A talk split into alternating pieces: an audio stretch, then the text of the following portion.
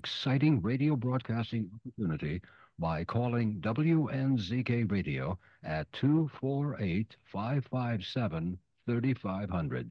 This is WNZK, Dearborn Heights, Detroit, your ethnic superstation at 690 days, 680 nights.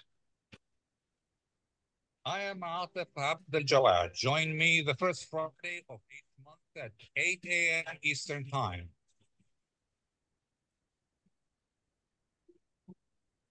I will be discussing some of the most important issues and events in the Middle East live on America's Voice of the Arabs.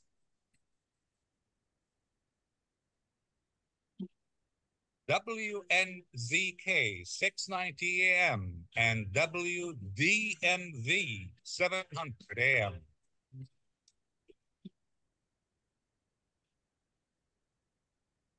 Good day, everyone.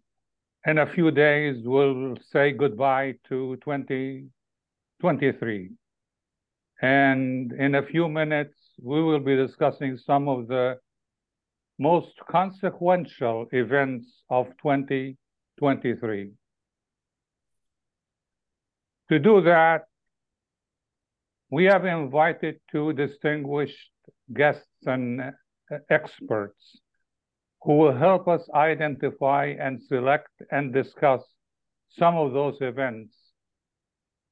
Professor Brad Roth of Wayne State University and Mr. Said Arikat, the longtime Washington-based Palestinian American journalist. Before we get started, a program note. We are coming to you not just on radio. We are coming to you through a Zoom link.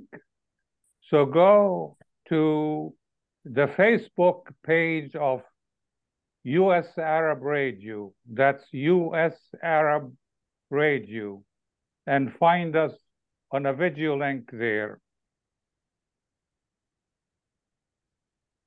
Now, I would like to ask our two distinguished guests to select the three most important events from their point of views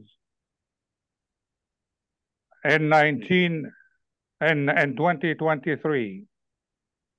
Um, so I would like our guests to to list them just as headlines and just tell us uh, the criteria why they decided to select those three events, and then we'll take it from there. We will discuss the details later on throughout throughout the, the, the next hour. Let's start with uh, with uh, Professor uh, Roth and his list. Uh, thank you. Well, uh, I think it's uh, it's fairly obvious that the events following um, from October seventh uh, are the the main headline. I think this is an extraordinarily uh, set of events that has taken place not just from the in the entire history of the Israeli-Palestinian conflict, uh, but uh, it, more more globally with respect to to questions of violations of the laws of armed conflict, the, uh, the the divides in the international community over this question, uh, and what it has to say about America's role in the world going forward as well. So uh, that that I think is the crucial headline. Um, Donald Trump's resurgence in the polls in the course of this year I think is a, a another major thing to focus on. Um, it, there had been a moment in which it might have appeared uh, that Trump would be overcome even within the Republican Party, perhaps by Ron DeSantis, uh, that people were getting tired of the, the kinds of, of social divisions that uh, Donald Trump was responsible for, or at least uh, giving giving air to in, in the United States. Um, I think that uh, oddly enough, the, the 91 criminal charges against him have created a kind of rallying around uh, his candidacy at this point, and now he is effectively the unchallenged candidate for the Republican Party and leading in the polls going into the election year. So that I think is quite crucial. We'll have uh, very serious ramifications. Uh, and then also the deterioration of support in Washington for the Ukrainian cause um, uh, for for reasons of bizarre political machination uh, on the part of the Republican Party, uh, not particularly caring one way or other, I think, uh, about what happens in the Russia-Ukraine war, uh, but using this the the control over military aid as a form of leverage against the Biden administration. So those, I think, are the three most significant events. Mr. Arikat. Yes, good morning to you, uh, and uh, good morning to everyone listening, and of course to Professor Brad. Uh, you know, I, I, like to say that it's probably the most important headline is Gaza, Gaza, Gaza. You know, it is just too, uh, too uh, dramatic, too uh, present, to omnipresent, something that you cannot escape, and it is really very decisive, very divisive for the world. I mean, it has proven to be quite divisive.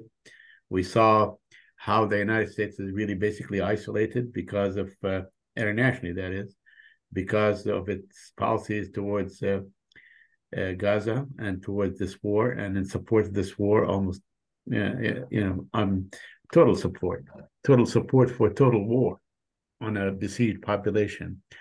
So this is really a very significant event. I mean, I I fully understand that the world is full of events. I mean, I could name uh, a number. You know, I would say that uh, sort of the uh, the the changing in the um, global position, so to speak. The you know whether it's a, a bi a, a unipolar world or multipolar war as a result of the Ukraine war, as a result of uh, uh, people moving away from the United States, you know, joining BRICS, uh, and the, the positions of the global South. I think that's very significant.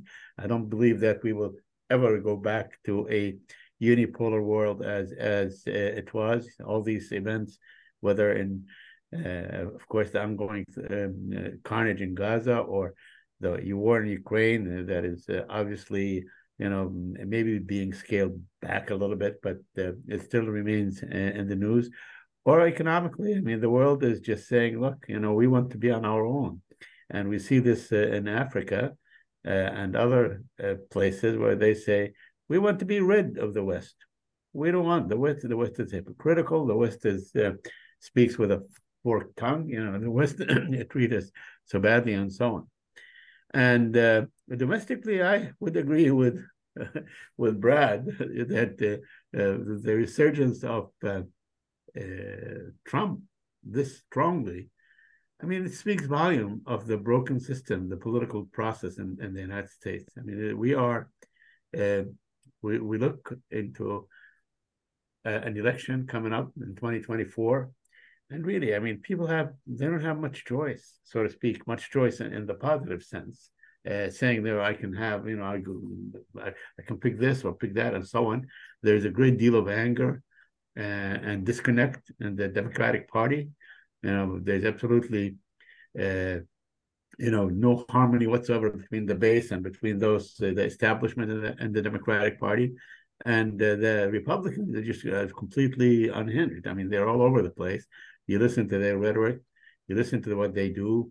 You listen to the changing of the, the speakers. They went. The, the, the year began by um, uh, uh, them not agreeing on their speaker, you know, vote after vote after vote, then him being forced out, then one of uh, their congressmen, because he's just a crook, had had to be thrown out of uh, uh, of Congress. So these are the major uh, three themes that I I would I mean that, that come to mind. Okay, so let's summarize now. Um, between the, the, two of you, we have the, the war in Gaza, Dr. Roth emphasized the attack on the 7th of October. He emphasized um, that Trump is leading despite his um, multitude of indictments. And also, he emphasized the deterioration of the Ukrainian aid um, Mr. Arikat uh, emphasized the war in Gaza as well, um, but uh, from a different angle, he talked about U.S.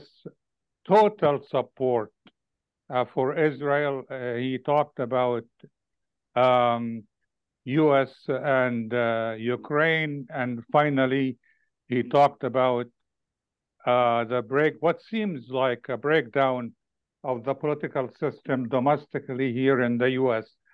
So let me pick up the thread here and go back to Professor Roth. And here is my question uh, about the October 7th. Even though the attacks on Israeli civilians on October 7th are horrifying, but a lot of people would say history did not start on October 7th. So why nobody in the US um, or in Israel or in some other places wants to talk only about the root, the, the what happened on October 7th? Why don't they, they go back to the root causes for what's happening in Gaza today? Professor Roth. Uh, well, first of all, of course, uh, when you say nobody, you're being rhetorical, and and uh, obviously there's been a, a, substantial reaction in in many sectors in the United States uh, to this. But um, you know, there is, of course, a general way that the media have focused on the conflict over a long period of time. Uh, and that is essentially to identify with Israelis, to think of this in terms of there, but for the grace of God, go us uh, and uh, and to see Palestinians as essentially other. Uh, and so that uh, unfortunately gives rise to the, these peculiar ways of viewing the situation. Uh, it also, of course, must be said, as you pointed out, the, the horrific nature of the violence on October 7th um, really mobilized a great deal of support uh, for the Israelis because of the sense that the the violence uh, and its character on October 7th was repre- rep- represented a kind of of down payment on eradication. Uh, and so the, the the sense that Israel is is fighting an existential struggle, which has always been the trope uh, in these circumstances has a, a certain uh, kind of, of significance in the wake of, of the images from October 7th that it might not otherwise have had. Uh, but of course, uh, the history did not begin on October 7th, and it has not ended on October 7th. Uh, and uh, the remarkable situation that we see where it appears that 10 to 15 times as many people have been killed uh, in the meantime by the Israeli siege of Gaza, which is still ongoing and which people seem determined to pursue far far further. Um, uh, this this eludes the same kind of of attention, uh, unfortunately, that that is uh, bestowed on the, the, the victims of October 7th. But some people would say um, some Palestinians uh, who took part uh, on October 7th would say we are simply resisting a long-term occupation and oppression. Uh, so uh, when Russia invaded uh, Ukraine, did you expect Ukraine just to stand idle and not resist uh, the Russian invasion? Well, it's not a question of resistance. I think if the attacks had been limited to attacks on Israeli border posts, and there were uh, very substantial uh, Israeli military casualties that were exacted in the attack, I think if that had been the nature of the attack, people would have viewed this differently. Um, but the, uh, the, the much more wide-ranging attack on the civilian population um, really casts this in a in a different way. Uh, and one always has to distinguish, and from a standpoint of international law, particularly, one distinguishes uh, what we call jus ad bellum from jus in bello. That is to say, uh, the the justifications, the recourse to violence on the on the one hand, and the character of the violence on the other. Uh, and here, the the character of the violence is uh, indefensible.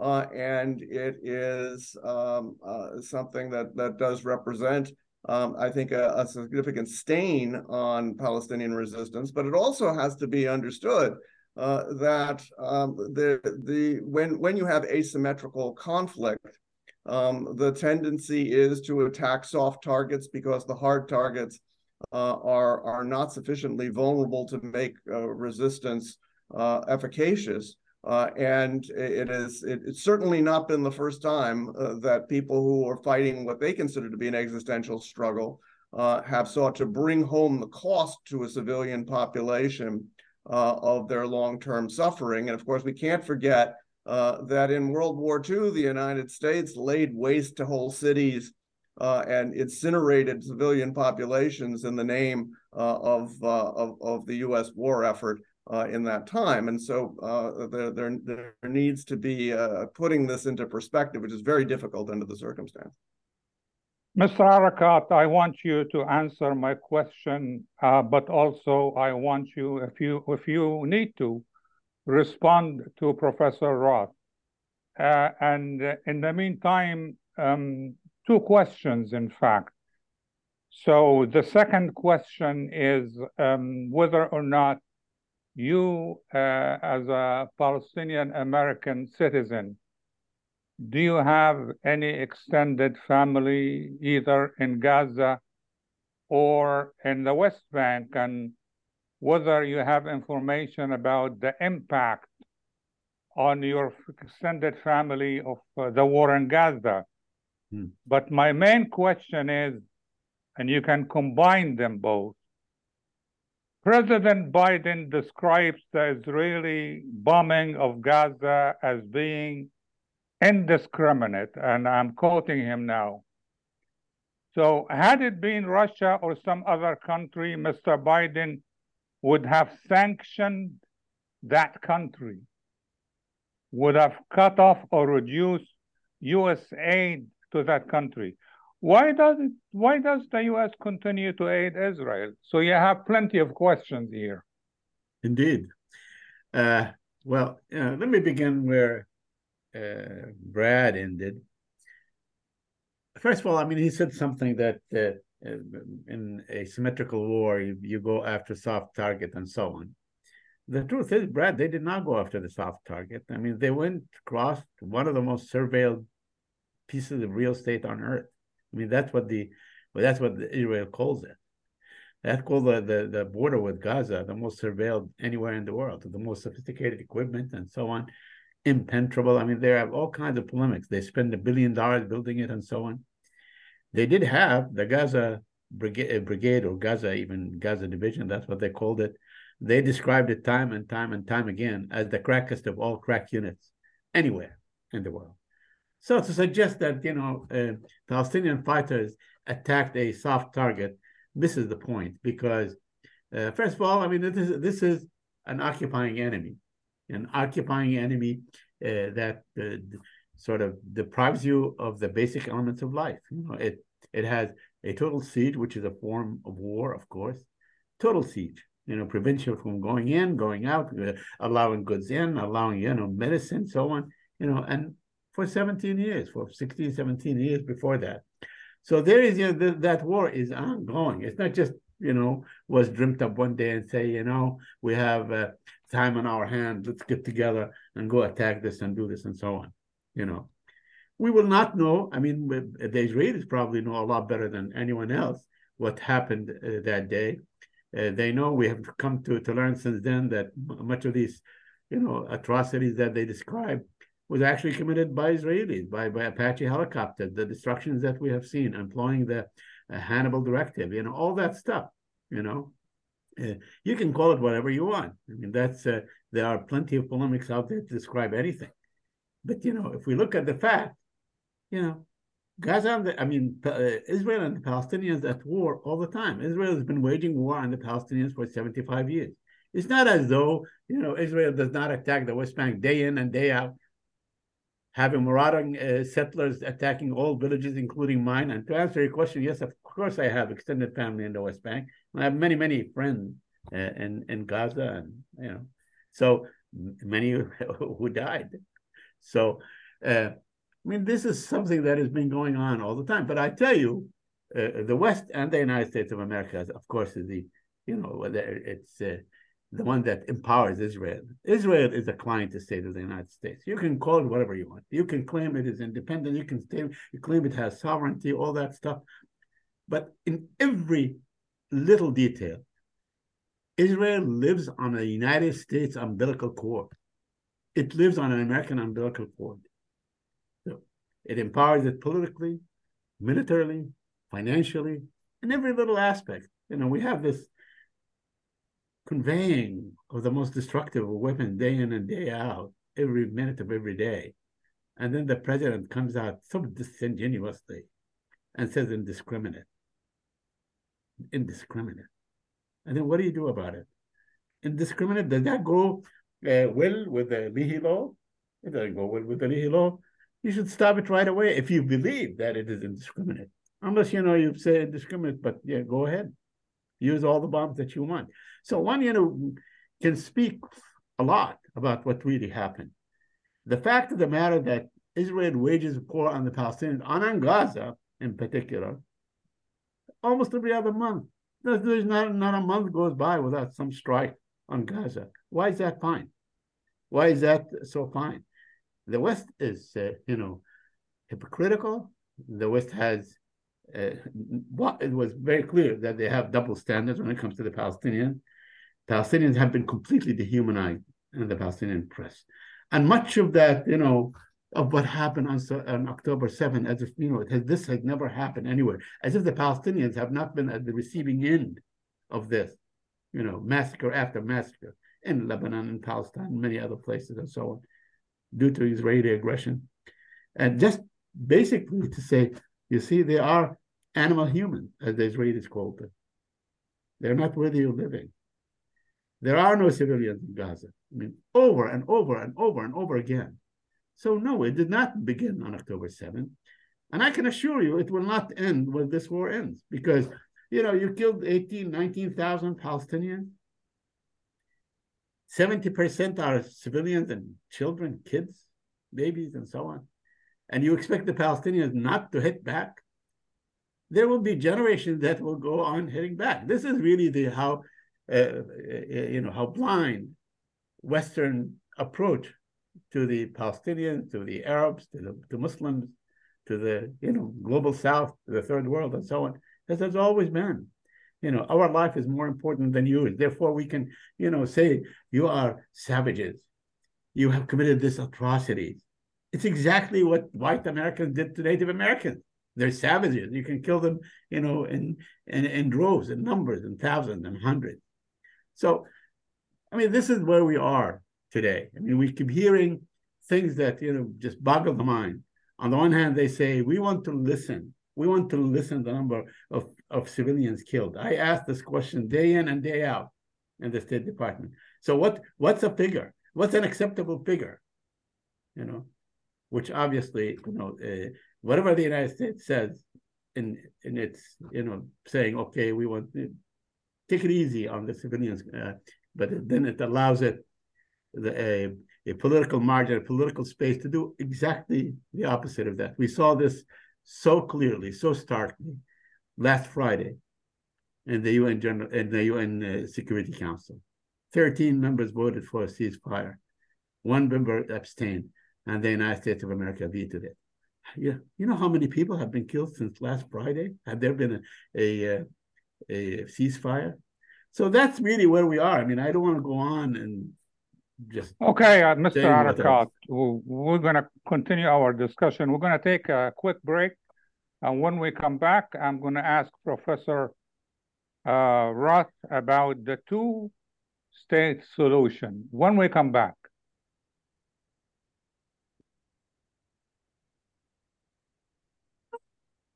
Ziyad brand. Quality products from our family to yours. Ziyad Brothers Importing offers the finest quality products, including brands like Sultan, Kraft, Nestle, Hook, Rico Picon, Donna, and many more. Ask your retailer to carry these fine products because you deserve the very best. For more information, visit our website at www.ziyad.com. That's www.ziyad.com. Ziyad, quality products from our family to yours. At Top Rehab Physical Therapy Clinic in Dearborn, we provide effective physical therapy sessions in order to limit pain and discomfort. Top Rehab provides physical therapy care for any diagnosis prescribed by a physician, and we regularly see and treat conditions such as stroke, TMJ, fibromyalgia, sciatica, joint pain, and more. We use a variety of pain management methods, including modalities, soft tissue mobilization, and therapeutic exercise. If you're in need of physical rehabilitation or physical therapy, get the highest quality health care at Top Rehab. Most insurance is accepted, and we're open Monday, Wednesday, and Friday 8 to 6, Tuesday and Thursday 8 to 5, and Saturday 10 till 2. Call for an appointment today at 313 846 0555. That's 313 846 0555. Choose Top Rehab Physical Therapy Clinic on Michigan Avenue in Dearborn. Life's too short to be in pain. Are you going to start a restaurant or a grocery store soon? Do you need floor plans and designs? Call Najee Abood at 734 744 9796. Do you want to buy kitchen and restaurant equipment at discount prices? Call Najee Abood now, 734-744-9796. New Concept Products and Design, the trademark of kitchen equipment. 5% discount on all purchases of $75,000 or more. New Concept Products and Design, new location, 31 185 Schoolcraft in Livonia. Learn more at www.newconceptproducts.com. Call Najee Abood, 734-744-9796. With more than 30,000 successful in vitro fertilizations, IVF Michigan is now ranked as one of America's best fertility clinics according to Newsweek magazine. IVF Michigan fertility centers are the recognized leaders in high quality fertility care. With locations in Bloomfield Hills and nine other cities in Michigan and Ohio, IVF has experts in all aspects of the field. A founding member, American board certified Dr. Nicholas Shamma, is one of the leading reproductive endocrinologists in Michigan and Ohio. He has performed over 20,000 successful IVF cases and it's helped thousands of couples fulfill their dreams of parenthood. When it's time to get personalized care from Dr. Nicholas Shamma at one of America's best fertility clinics, call IVF Michigan Fertility Centers in Michigan and Ohio toll free at 855 952 9600. 855 952 9600. As the weather gets colder, it's a good idea to layer up with scarves, hats, and mittens. Another layer of protection this season is to get your flu and COVID 19 vaccines. You can get both vaccines at the same time. Talk to your healthcare provider or learn more at michigan.gov slash COVID flu RSV and layer up for some added peace of mind. A message from the Michigan Department of Health and Human Services. I am Atef Abdel Gawad. Join me the first Friday of each month at 8 a.m. Eastern Time.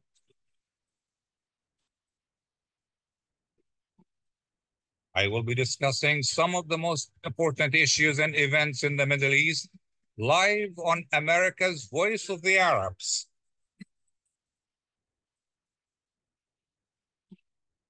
WNZK 690 AM and WDMV 700 AM. Welcome back to our discussion on Radio Baladi. We are talking about uh, most important events of 2023 as it winds down. And um, Professor Roth, Israel or Israeli politicians at one point acknowledged that the two state solution is best for Israel to keep its Jewish and democratic nature. Why that change of heart in Israel? Well, first of all, I wouldn't say that there is any genuine change of heart because I think that the the invocation of the two-state solution in in the last few decades by Israeli leadership has really been a distraction. Um, there was a time back in the 1980s when the two-state solution was proposed that the idea was to realize the self-determination of two peoples.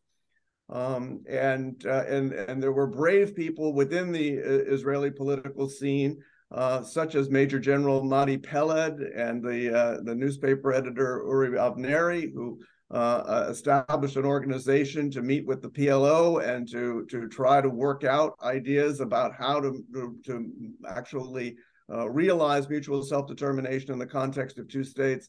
Uh, that is not what the two-state solution has come to mean. Uh, the two-state solution has been fetishized. The idea of two states has been detached from any conception of genuine mutual self-determination. It's been used as a, as a way of rationalizing a, a kind of conceptual fragmentation of the Palestinians into five different categories. Uh, uh, Arab citizens of Israel, members of the Palestinian diaspora, residents of East Jerusalem, residents of the West Bank, residents of the Gaza Strip, uh, for the purpose of being able to control the discourse and largely for the purpose of establishing the Green Line as a kind of unidirectional border for Israel, where uh, what's ours is ours and what's yours may also be ours. Uh, and uh, and and uh, the longer you you uh, delay in crying uncle, the less you're going to have uh, to to make what might be regarded as as some sort of state or statelet um, uh, once the the uh, Israel has has secured all of what it regards as its vital interests. Uh, and so the two-state solution has become a kind of an alibi, kind of a means by which uh, the, uh, the the the charge of apartheid could be deflected by saying that what happens outside the green line is not of the essence of the state of Israel; it's merely a temporary expedient. Um, and yet temporary, of course, as we've seen, um, has been uh, effectively permanent. Uh, and I see uh, essentially no commitment to any kind of two state solution. Uh, so, in, in, any of that rhetoric over the last generation. Uh, so, I don't think that actually there has been a real change, um, simply an, a rhetorical opportunity now in the wake of October 7th uh, to, to double down on what has always been the policy. Mr. Arikat, as you know, Hamas doesn't accept Israel's existence. So how can we talk about a two-state solution when uh, a, a, major party, which is Hamas, doesn't accept the existence of one state? Well, you know, uh, I think uh, Brad articulated the, the two-state solution, the status of the two-state solution very articulately and very clearly and I agree with him 100%. I mean, this has been uh, just uh, something that you you talk about uh, to, to cover everything else that you are doing, you know. Uh, so uh, we we say, and even though no Israeli really has come out to say clearly we accept the two-state solution, especially in the last, I mean, since Oslo, maybe there was talk about it in Oslo. It's not very, it wasn't very clear then. It, it was not clear thereafter, and so on except you know in statements by the United States or the Western countries and the Arab countries uh, that submitted one peace initiative after another to say two-state solution, the magic word. That's the only way to resolve it, and so on. You know. In the meantime, what we have seen is really it's uh, the uh, you know the further uh, entrenchment of an apartheid system. It's exactly what that is. I mean, you know, I am from the village of Abu Dis, uh, and I can tell you the wall goes 26 meters high. That's it's it's huge. You know, I mean, it's uh, or 20. I mean, something like. I mean, it's you can't do anything. You can't. It separates families. It separates my cousin family from her mother's family and so on. So this is something that the Palestinians have to endure day in and day out. I mean, we everybody's focused on Gaza. There is a war that Israel is conducting in the West Bank. I mean, yesterday they stormed the Jenin camp time and again, and there are all kinds of pretexts, but they do it. You know, you have uh, marauding settlers that attack Palestinians everywhere, make life miserable everywhere, and so on. So the talk about the, the two-state solution was something that you know, uh, you know, a caveat they hide behind, especially the United States of America. In the meantime, it is it empowered this system uh, that just there's no end. There's no end to Israel's appetite of settlement and so on. So the idea of the two-state solution, I believe, is gone. You know, it's not there. They can talk about it. They can say, you know, how are you going to bring it about? You know, how are you going to bring disconnected, completely uh, devastated uh, enclave like Gaza with a uh, the West Bank that is heading that way? You know, it may be completely devastated in, in a few weeks or a few months and so on. when there is no Israeli in, in the current government who would say, uh, yes, yes, we are. You know, we're fans of the two-state solution. We look at it as the only way out. I mean, only the uh, just a couple of days ago on Sky News in London, the Israeli ambassador said uh, that no state solution, no, no, no, there will never be another state between, you know, a Palestinian state between the river and the sea and all that stuff, you know.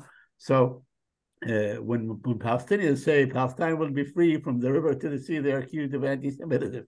But when she said, no, this is ours from there, you know, so, I mean, uh, so to answer your question, uh, uh, Jawad, is, uh, you know, out there. So uh, uh, it is really to have a two-state solution, you have to have a strong will by the United States of America. I'm not saying it cannot be done. It can be done. It can be done if there's an international will, if the United States says, look, if you don't do this, we will do this. In other words, there is an absence of or else, you know.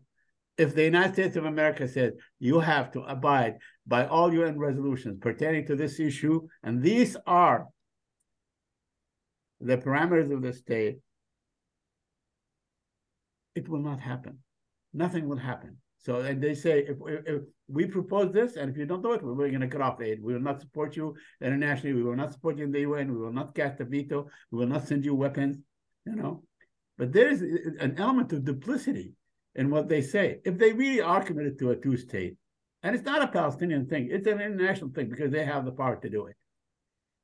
If if they if they really are you know genuine about uh, pursuing such a course, then they can say I recognize this state to to have this border, that thing, that so on, and it, define it, define it, and say this is what I acknowledge, and then go about, you know, acknowledging it at the UN, give it a status at the UN, then it becomes a matter of fact. So to talk about a, a two-state solution and say, well, Hamas doesn't want it, no Israeli wants it you know, I think that in, in the old days, and I'm, you know, I'm, uh, from the old generation, they used to say the same thing about the PLO.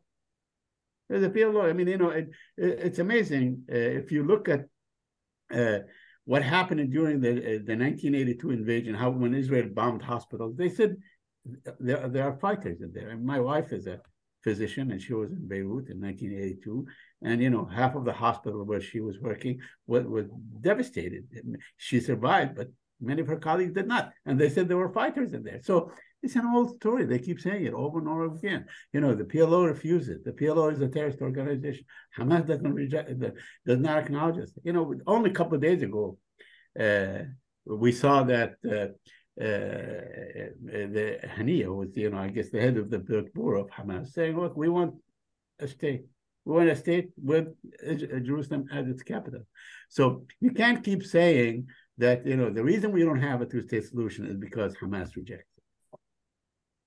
Uh, Professor Roth, uh, I have a tough question for you. Uh, bearing in mind that we don't condone violence against civilians, whether Israeli or Palestinian civilians, are you impressed with the sophistication of Hamas in planning and dealing with Israel, which is, as we know, a regional superpower. I'm talking about the October 7th attack. Yeah.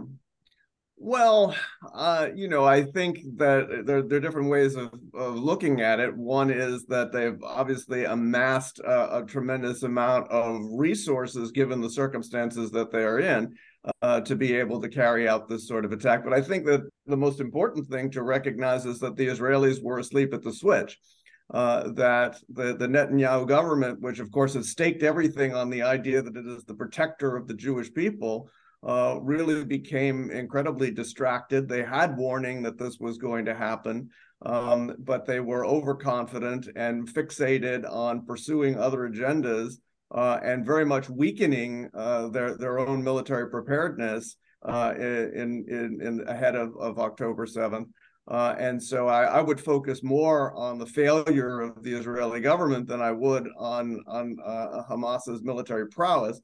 Um, but uh, but I also understand why it is that people who have been subjected for prolonged periods to the, the dominance of the Israeli military um, would um, be impressed in some sense by the ability of Hamas to strike back.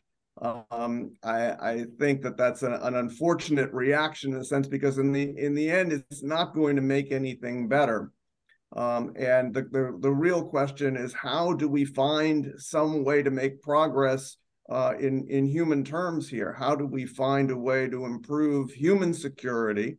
Uh, how do we find a way to actually realize um, a uh, not only political self determination but the fulfillment of human rights, political, social, uh, economic, uh, cultural, and so on? Um, these things are not going to be furthered uh, by a kind of violence that simply uh, causes people to to to believe that uh, all bets are off, that that all all restraints are useless, um, and and when people are subjected to to attacks of this character, uh, it only deepens uh, the crisis. And of course, similarly, uh, the Israelis are are making an enormous mistake um, by engaging in the kind of violence that they're engaging in in Gaza. Uh, there's there's uh, there's no prospect that this will improve human security for Israelis in the longer term. Um, and it's only going to lead to a new generation of people bent on revenge uh, for the, the horrors that are being visited on Palestinians right now in the Gaza Strip. Okay, Mr. Arikat, I have an equally tough question for you. Hamas is using uh, networks of tunnels to shield their own fighters, but has no shelters to protect the civilian population. How do you read that fact? Well, I mean, it's uh, the fact of the matter is Hamas is not uh, an army. Hamas is besieged. You know, they are really the sons and daughters. I mean, they also there are female members of Hamas, the sons and daughters of those who are besieged. I mean, it's not to talk about them as if you know they are some sort of Martian or coming from another uh, planet is a big mistake because they they do they uh, they are the sons and daughters of the people that uh, have been besieged in Gaza, subject to a lot of destructions over the years and so on. You know, I mean, it's it's fine. There's a, every time you you you say the word Palestinians, you have to add the the caveat in the in the discourse in Washington of saying, "Oh, but that horrific day on October 7th." Well, fine. You know, why don't we when we talk about October 7th, we don't talk about uh, May 2021 or uh, July uh, uh 2014 and other things like this. You know, when thousands of Palestinians were, were killed and injured and destroyed and all these things and life their life disrupted and all these things and you can go back you know so so many times so this is there's something that is, you know, uh, in asking this question uh, or posing this question, not necessarily by you, but by anyone, is, is to create some sort of a, a huge gap between, you know, Hamas, who are really loathsome uh, uh, characters or creatures and so on that live in, in the barrows of the earth and and and all in the bowels of the earth and uh, uh subject their people uh, to uh, unspeakable crimes and and bombardments and so on. Israel bombs Palestinians no matter what. I mean, they go into, they occupy the West Bank. Why do they have to use F-16 to bomb Jenin? It's a refugee camp. Why would they use uh, uh, drones to bomb uh, little tiny hamlets in the West Bank and so on? There is no Hamas there. I mean, Hamas fighters, you know. So for sure, the, the Palestinians look at Hamas admiringly, and I tell you why. It's not because they they did this uh, uh October 7 event, which you know I'm not a military expert. I'll let the experts uh, define it whether uh, in military terms as they want. But because they look at Hamas as the only people who are fighting this monster, they look at it as the, the only people who are really fighting this huge military machine that is supplied by the US. I mean, imagine for a moment, imagine that this concentration of uh, people was subject to bombardment by the F 35. The F 35, you know, a, a plane that cost more than a hundred million dollars, you know, or the F-16, or the howitzers, or the or the cluster bombs, or phosphorus bombs, and so on, day in and day out. Yet, you know, the, the Hamas fighters are able to come out of these tunnels and so on and inflict a, a great deal of pain and injury on a vicious enemy that's occupying them. So this is the thing. I mean, that's what that's what the Arabs see. That's what the Arabs view. That's why the Arabs admire the ability uh, of those who can fight uh, Israel and actually do fight Israel. That is that is the issue, and not you know uh, whether they are really um, under under uh, underneath the earth uh, and leaving people uh, being attacked and so on. And by the way, you know this is an old trope when they talk about the human shield and so on. People talk about the human shield. The president of the United States talks about the human shield. The president of the United States, you know, uh, keeps you know conveying the Israeli narrative almost on everything. But a human shield, let me just remind everybody, it was begun by uh, Gandhi. You know, he used to he used it as a method to fight the British and so on and all these things. But really, what took it to the to its you know horrific level were the Israelis. They're the ones that created the human shield thing. They used to get the kids, the Palestinian kids, and you can look up all the footage that, that is available during the first intifada, and put them on the jeep, strap them to the jeep so the other kids don't throw stones.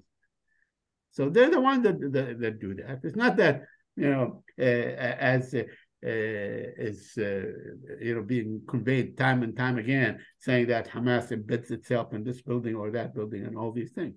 So you know Israel goes in every day in the West Bank and takes over homes takes over homes with people in them and starts snapping out of the windows from from mosques, from every every places. So we have to speak knowledgeably on these issues. Thank you. Okay, we'll, we'll go for a uh, quick break. And when we come back, I have another tough question for Professor Roth, and that is why should Israel, out of all countries, want to be an occupying force? when we come back. شو هي الحياة؟ إني كون دفيانة ومو خايفة إني أعيش بقية حياتي بكرامة. آكل أكل زين وأشرب مي نظيف. إني أعيش سعيدة ولو كنت يتيمة. إني أحس بالدفى والأمان ويكون لي مكان أعيش فيه بعد ما تهدم بيتي. منذ ثلاثين عاما ومنظمة الحياة للإغاثة والتنمية والتي تم اختيارها من بين أفضل تسع منظمات خيرية حول العالم لعام 2022 تساعد المحتاجين ليعيشوا حياة أفضل دون النظر إلى عرق أو لون أو جنس. ساهموا معنا في مد جسور الأمل لمن يحتاج من خلال التبرع مباشرة عبر الموقع www.lifeusa.org أو على الرقم 1-800-827-3543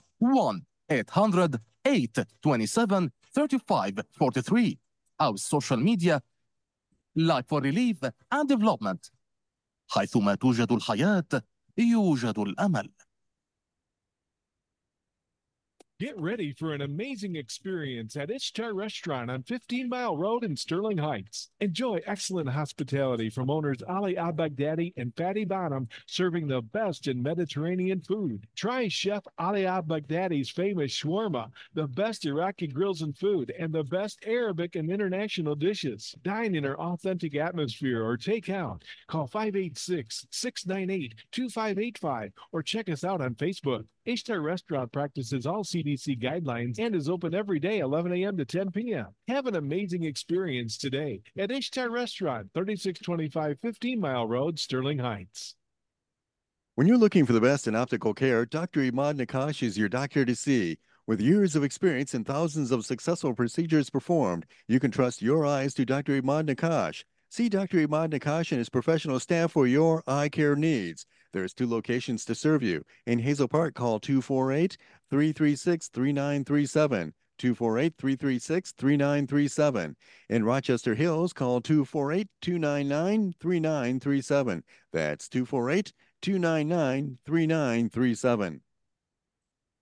Life for Relief and Development has now been rated as one of the best charities for humanitarian aid. Life's humanitarian projects span the globe, and Life is celebrating its 30th anniversary of providing essential life saving aid to people and communities in 36 countries, regardless of race, color, religion, or cultural background. Where there is life, there is hope. And when disaster occurs here or around the world, including being one of the first responders to the Turkey Syria earthquake crisis, Life for Relief and Development rushes in to provide food, medical aid, and shelter to those in need. We are looking to help the earthquake victims, and we take 0% overhead on emergency donations. So please help improve these efforts. Learn more about our involvement to help the helpless and bring hope where it's needed most. And make your tax deductible donation to Life for Relief and Development now at lifeusa.org or call 248 424 7493. That's 248 424 7493. I am Atef Abdel Gawad. Join me the first Friday of each month at 8 a.m. Eastern Time.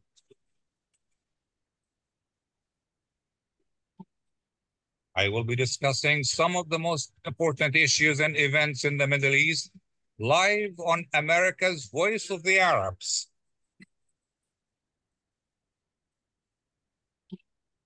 WNZK 690 AM and WDMV 700 AM.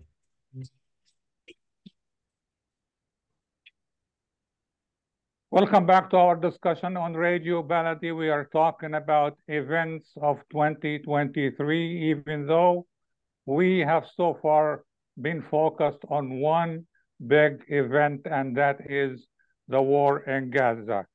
But my last question, and it's another tough question for Professor Roth, is that Israel has a powerful tool to protect itself and the occupation. The question is, why should Israel want to be an occupying force, given its history, the history and suffering of the Jewish people since the Holocaust?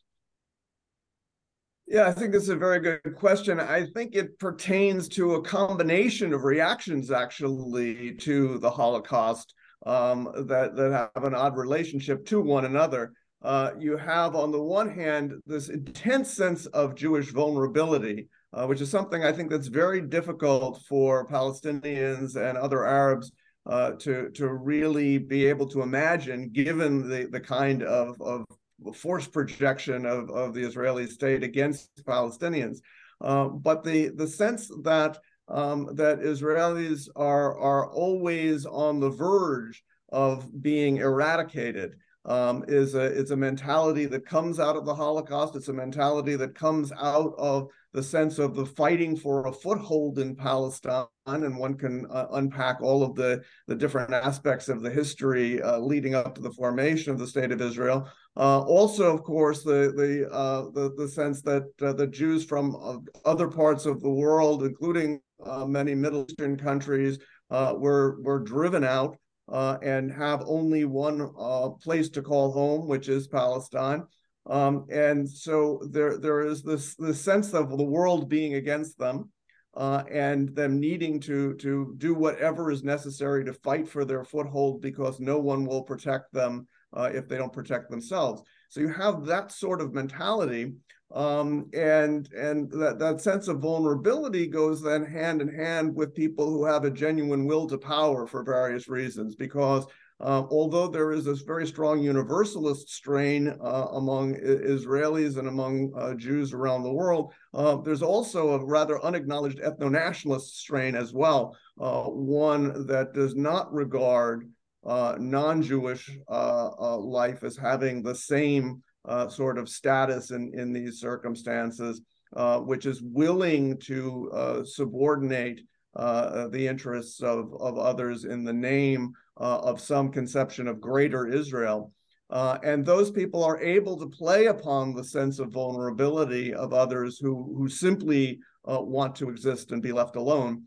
Uh, and and that combination has driven Israeli politics. It's also one has to recognize that uh, the, the, the right wing in Israel can capitalize on the fact uh, that Israel made itself more vulnerable by concessions uh, to the, the, the, Palestinian Authority, by, by uh, allowing uh, PLO uh, forces to establish themselves in the territories. Um, that actually led to an increase uh, in violence against Israeli civilians for various reasons, and and and it's a it's a complicated story. But the way that that complicated story gets simplified uh, by people on the Israeli right is to see that any let up uh, in in uh, uh, a, a, position of dominance vis-a-vis the Palestinians only creates existential threat to Israeli civilian populations, and so that I think is is a is a trump card uh, that people on the right within Israel are able to play uh, very manipulatively, I would say, uh, in order to essentially rationalize what has been a project of, of conquest and domination in the territories.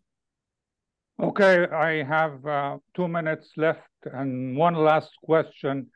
Try to squeeze a question about Trump. Um, so, and I want you both to answer the question how do you explain the fact that Mr. Trump is ahead in the polls despite several indictments? Let's go uh, for uh, Mr. Arikat um, first. Well, I think the simple answer is that the country is moving right wing.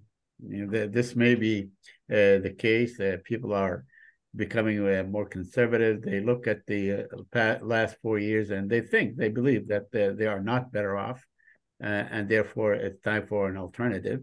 Uh, it's, I mean, it's this administration has not been effective in conveying what it has accomplished. I mean, you know, they they, they did accomplish uh, many things. I mean, on foreign policy, they basically, uh, you know, on the Palestinian issue, for instance, uh, they uh, kept the same Trumpy policy uh, and made it uh, a whole lot worse. So they are losing a, a big, huge base. Yeah, the young base. I mean, you look at the polls, and there are many Democrats, young Democrats, who are you know, overwhelmingly opposed to the continuation of the war once the ceasefire, for instance, and that driven, has driven them away uh, from uh, uh, the, from Biden and, and so on. Uh, also, it has not been able to convey what it has done economically and other things and so on. It has not been able to resolve issues like immigration. You know, the, the immigration situation uh, now, despite all the rhetoric, is a lot worse than it was uh, several years back uh, and so on. Uh, they have there's a disconnect between the different forces. The country is completely, you know, divided on on on many issues, and that gives someone who is very decisive, very divisive, as forgive me, very divisive, like Trump, gives him a great deal uh, of space to work and work on these differences and basically, you know, market himself uh, as such. I, I think that the country, in that respect, politically, is in trouble. Okay, Professor Roth, the same question, please. A brief answer. Well, I, I, agree with all of what was just said, but also I would say that that Trump is a, a master in the mobilization of resentment. Um, that uh, that there is this phenomenon where many people feel that elites are telling them that the way that they've always lived their lives is not good enough. Uh, and that's sort of a through line on a whole series of issues, whether it has to do with climate change or race or gender uh, there's there's a whole range of areas in which people uh, find themselves to be insecure uh, and and and disparaged and scapegoated and menaced.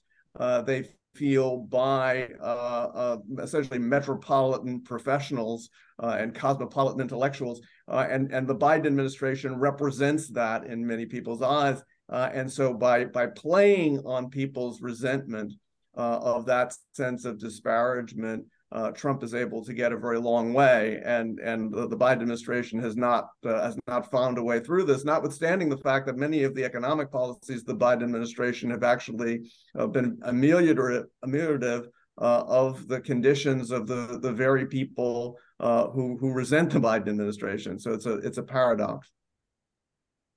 Okay, Professor Brad Roth of Wayne State University, thank you very much for your contribution. I also thank Mr. Said uh, who is a long-time Washington-based Palestinian American journalist. Uh, thanks a lot. Um, ladies and gentlemen, I will see you again the first Friday next month. Have a good weekend. Goodbye. Bye. WNZK has available.